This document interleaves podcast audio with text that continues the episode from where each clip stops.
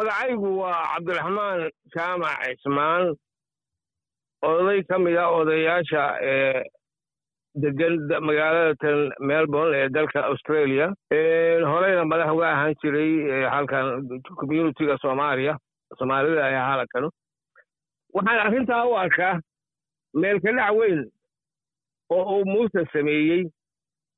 Awalba amxaaro waynu ogeyn weligeen baynu nacol ahayn wax wanaagoo horey inuu ka dhexeeyey ma jirin. Haddana mid dambe ina ka dhexayn doonaa ma filayo inuu jirayo.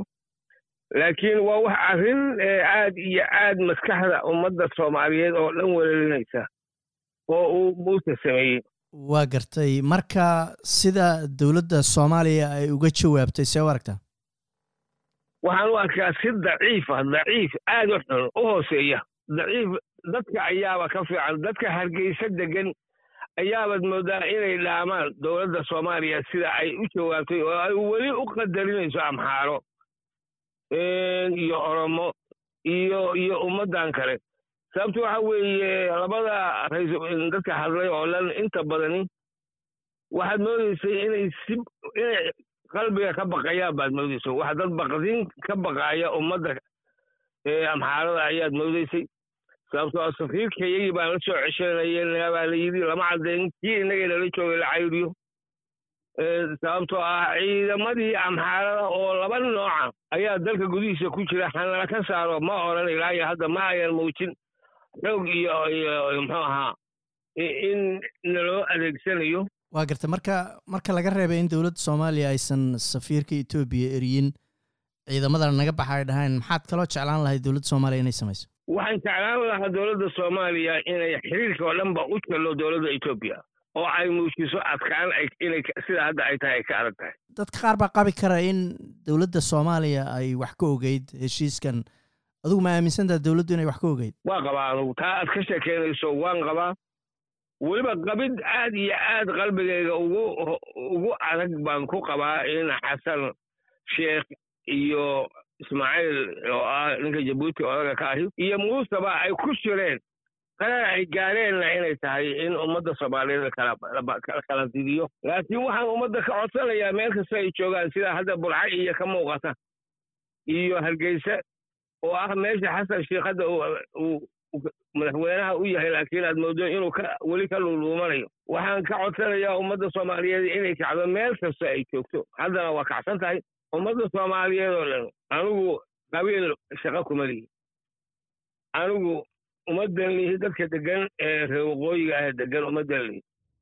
Midda aan udan leeyahay waxa weeye dadka xunxun ama xamar jooga ama hargeysa jooga ama burco jooga oo joogi kara magaalada garowe iyo dalkoo dhan dadka xunxun oo dhan waxaad moodaa inay ku jiraan xukunkana hadda haya dadka xukunka haya ee ku jira dalka oo dhan in laga foojignaado in si fiican loo tooso in ummaddani god bay ku socotaa aan la garanayn god aan la garanayn bay ku socotahay inay ka kacdo hurdada baan ku dara ka codsan lahaa ummadda soomaaliyeed oo dhan. Soomaali meel kasta oo ay joogaan hoggaankoodaa gabay hoggaankooda aad moodaa in ninba ninka kala fiirsanayo.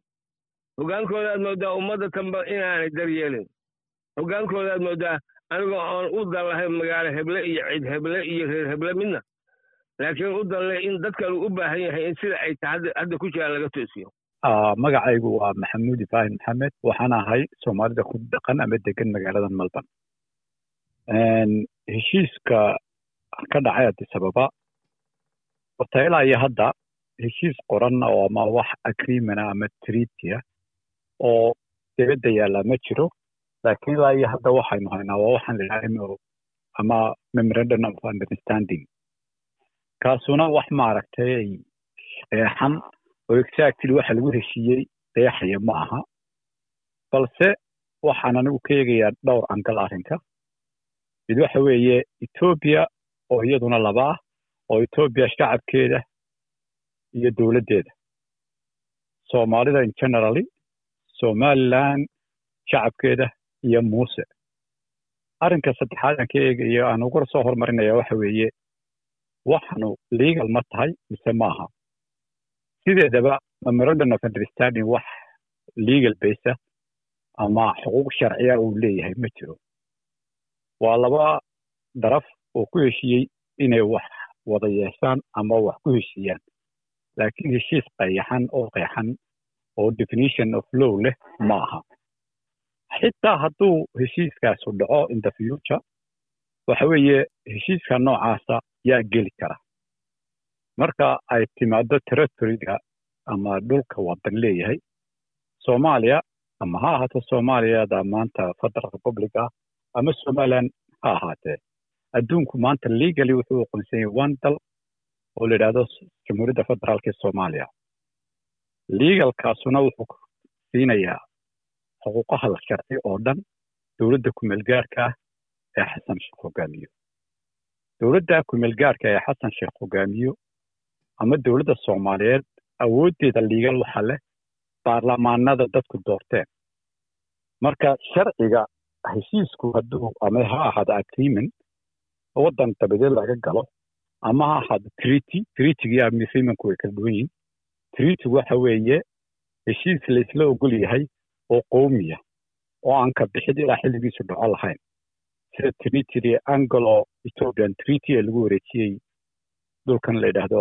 reserve area ama kii u n bakitka ahaa ee italo anglo italian ethiopia ee ingiriisku dhexdhexaadinayay eritrea lagu gacan geliyey haddaba wax kastaba ahaadee heshiisku hadduu agreement dowladi dhashay oo buriyo baarlamaanka labadii dhinac mid mid ka midi horta treatigaasu legal maaha ama heshiiskaasu wax sharci basida ma laha dowladdu hadday ku sii adkaarsatana wax legala ma aha hadda baarlamaanka soomaaliya wuu dadafeeyey ama illegal buu ka dhigay that means heshiiskaasu sidaasu legal international arg ku waa sharciga xaggiisa marka laga eego.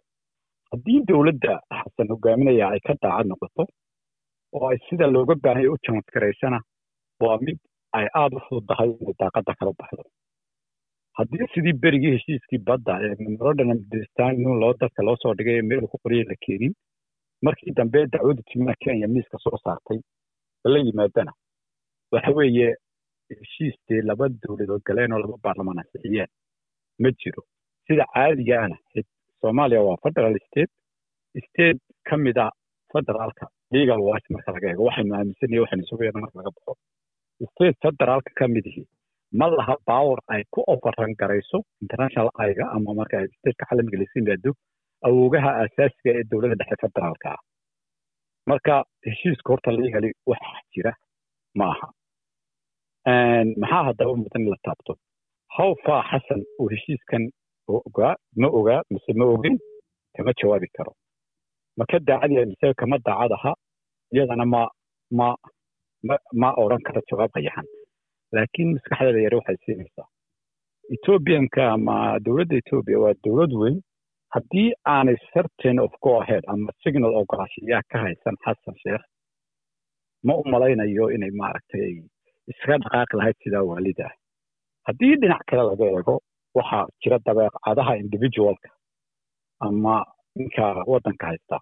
Isagu wuxuu doonaya muuqasan si badheera buu yidhi ama xoog aynu ku helno ama farsamo kale aynu ku helle bad waa inaynu yeelana wixiisu adigu ama heshiis ugu yeedh ama liis ugu yeedh ama kala isdaafsi seerar ugu yeedh waxaad doonto. Laakiin isagu mowqifkiisu marnaba leexleexad male war cad baan baarlamaanka hor sheegay. Somalilan shacab ahaan dabcan dowladdu iyada soo socda shacab ahaan somalilan sidee looga arkaa heshiiskan? Wallahi markay somalilan xagga shacabka iyo xagga dowladda aan labada dhinac kala eego shacabku shacabka somalilan waxay la mid yihiin shacabka soomaalida aragtidooduna badanaa ma aha aragti sii dheer oo wadaniyad leh. Waa aragti ku beesgaraysan maaragtay base of qabail ninka saxeixay qofkii la reerihiina wuxuu leeyahay waa sax kii aan la reerahayno waa qalab. Marka exactly la eego marka nidaamkaa soomaalida ee wax lagu jaadgareeye ee aan xigmad iyo waddan iyo long term iyo vision iyo waxba lahayn ee qabaa'ilka ah unbay ku beesgaraysan tahay. Marka badanaa taageerada ninka siyaasiga ee soomaalidu helaana waa iska ilaa baarlamaanada ama federal ha ahaada ama state ha ahaadee qabaa'il baa lagu soo doortaa. Ninku wuxuu ku abtirsadaa qabaa'il aragtida ugu fogi kara waa waxa xaafadiisa laga aaminsanyay marka dadkan taageersanaad maqlaysaan waa wuxuun xaafadii ku beesgaraysan laakiin in general marka la eego dadka majority-ga markan shacabka ka imaadee dadka indheergaradka eego qof waliba wuu arki karaa khatarta ka iman karta markaad waddan a xuduud dhuleed wadaagtaan. Oo weliba kaa dad badan kaana power weyn international stagekana le more valuable uh, historical relationship markay timaado weska ama nimankan gaalada inaad isku soo fururtaa khatartay leedahay shacabka intiisa badani waa arkaa haddaba waxa isweydiin le muuse iyo bahalkii abia maxay leeyihiin muuse waxaa jira oo waxaan oo dhan u samaynayaa muuse wuxuu yimid shaqada ugu sarreysa somaliland isagoon awood siyaasadeed ama leadership ability ama aqoon badan lahayn. Weyga quri wax ku waday waxay ahayd inuu always muran abuuro dadkana murankaa ku jeediyo marka waa qayb ka mida siduu ku soo shaqaynayay lixdii sane eena dhaaftay oo ah inuu xaalad abuuro muran ama waxaan la yidhaha nefi siyaasadeed unbuu isagu ka dhiganaya inay hirgashiya in kale isaga hirgelintiisu muhiimadiisa weyn waa inuu kursigaa sii ayaamo dadkuna indhaa ka yara duwaan abiya axmed naftigiisa markaad eegto barashar badan baa waddanka ka saaran hadday tahay dhinaca waqooyiga tigrega iyo amxaarada iyo hadday timaado oromada dhexdeedaba waddanku xitaa economical iyo political isolation badan baa ku jira. Marka arrinkan wuxuu dadka etoobiya maaragtay diverting inuu ku sameeyo oo yidhaah xaggan aynu bal ka helaynaa ama soomaali aynu islaaynayna isaga naftigiisu nefs siyaasadeed. Marka heshiiskan heshiis buuran oo wax caqli ku dhisan maaragtay oo wuxuu nefs siyaasadeed. Laba ninoo labaduba maaragtay ku haftay siyaasaddii ay ku doonayaan. Mana aaminsan ama dowladda xasan ha la ogaato ama ama yaani la ogaane sidii horeba u dhacday. Haddii dowladda xasan ay xitaa wax ka qaban weydataa ka dambaysa still legal way oo ay ku jalan jarayso oo internationala ayaa jira. Xitaa haddii la waayo awood soomaaliyeed oo quri qaada oo la dagaalanta. Mar walba lama waayo international stage advantage aynu ku leenay oo dhulka lagu difaacan karo. Sidii kenya oo bad ahayd hore uga dhacday. I think tanna in maaragtay soon oo leeda ugu dambayn haddii xal kasta la waayo in marka xukuumaddanu isbedesho xigta ay noqon doonto tallaabooyin ay ku soo kaambeen garayso oo ah shaqooyinka biga sidii horeba u dhacday ee farmaajo ku yimi kaambeenka noocaasa uu kaga dhabeeyey oo ku soo celiyey dadkii kenya.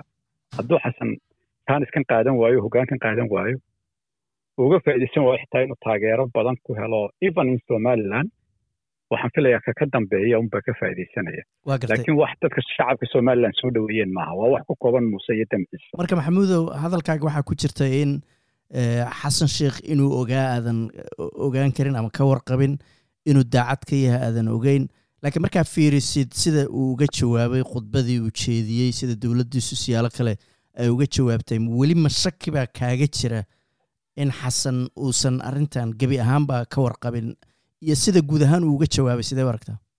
Wallahi horta bilaadan baanahay oo qiimaynteedu way khaldami kartaa waana sax way noqon kartaa laakiin markaan caqligayga yara eego waxaan dareemayaa inaanu xasan serious ka ahayn ama uu wax ka og yahay dhiilkan ama uu toos share holderba ka yahay ama minister qayb ka yahay heshiiskan aanu isagu daacad ka ahayn. Laakiin aslan as ay maaragtay sharciyankii baarlamaanka la mariyey oonu maanta la soo hor istaagi karin political way laga yaabo inuu jegadiisaba ku lumiyo haddii arrimaha la yimaado impeachment timaado. At same timena ra'iisul wasaarihiisu uu ka badheeray diidmada caynkaasa. Shaksiyaad badan oo dowladda ku jira ama siyaasiyiin badan oo soomaaliyeed oo ama dibadjoog ama gudajoogina ka badheereen haddii uu wixii uu soo qaatay isku dayo inuu socodsiiyo ma socodsiin karo. Marka isaga naftigiisu doontiisu waxay ku khasbantay dhinaca webigu socdo inuu dhinaca webigu socdo inay u socoto. I don't think inuu ka hor iman karo laakiin shaki weyn baan ka qabaa how much daacadkeeyo u malayn maayo waayo waxaan aaminsanaya etoobiya inaanay waalayn hadafkeeda iyo rabitaankeedu meel yahay haddii aanay wuxuun hayn berigii kenya memorandum understandingka wax ku doonaysay yacni signal unbay ka heshay dowlad soomaaliyeed ka wixii loo saxeexay legally ku doodaysay unbaanay meesha haysatay marka u malayn maayo inuu ka faramaran yahay una malayn maayo inuu ka daacad yahay. Laakiin waxaan biliif ka rasanay haddii tallaabada baarlamaanku qaaday lagu la wado in sunoo leedha wax wax laga qaban karo ay tahay. Heshiiskanuna wax legal base ama legally abandoned inaanu hayn oo xuquuq governors stage buu noqonayaa muuse marka internationalka la yimaado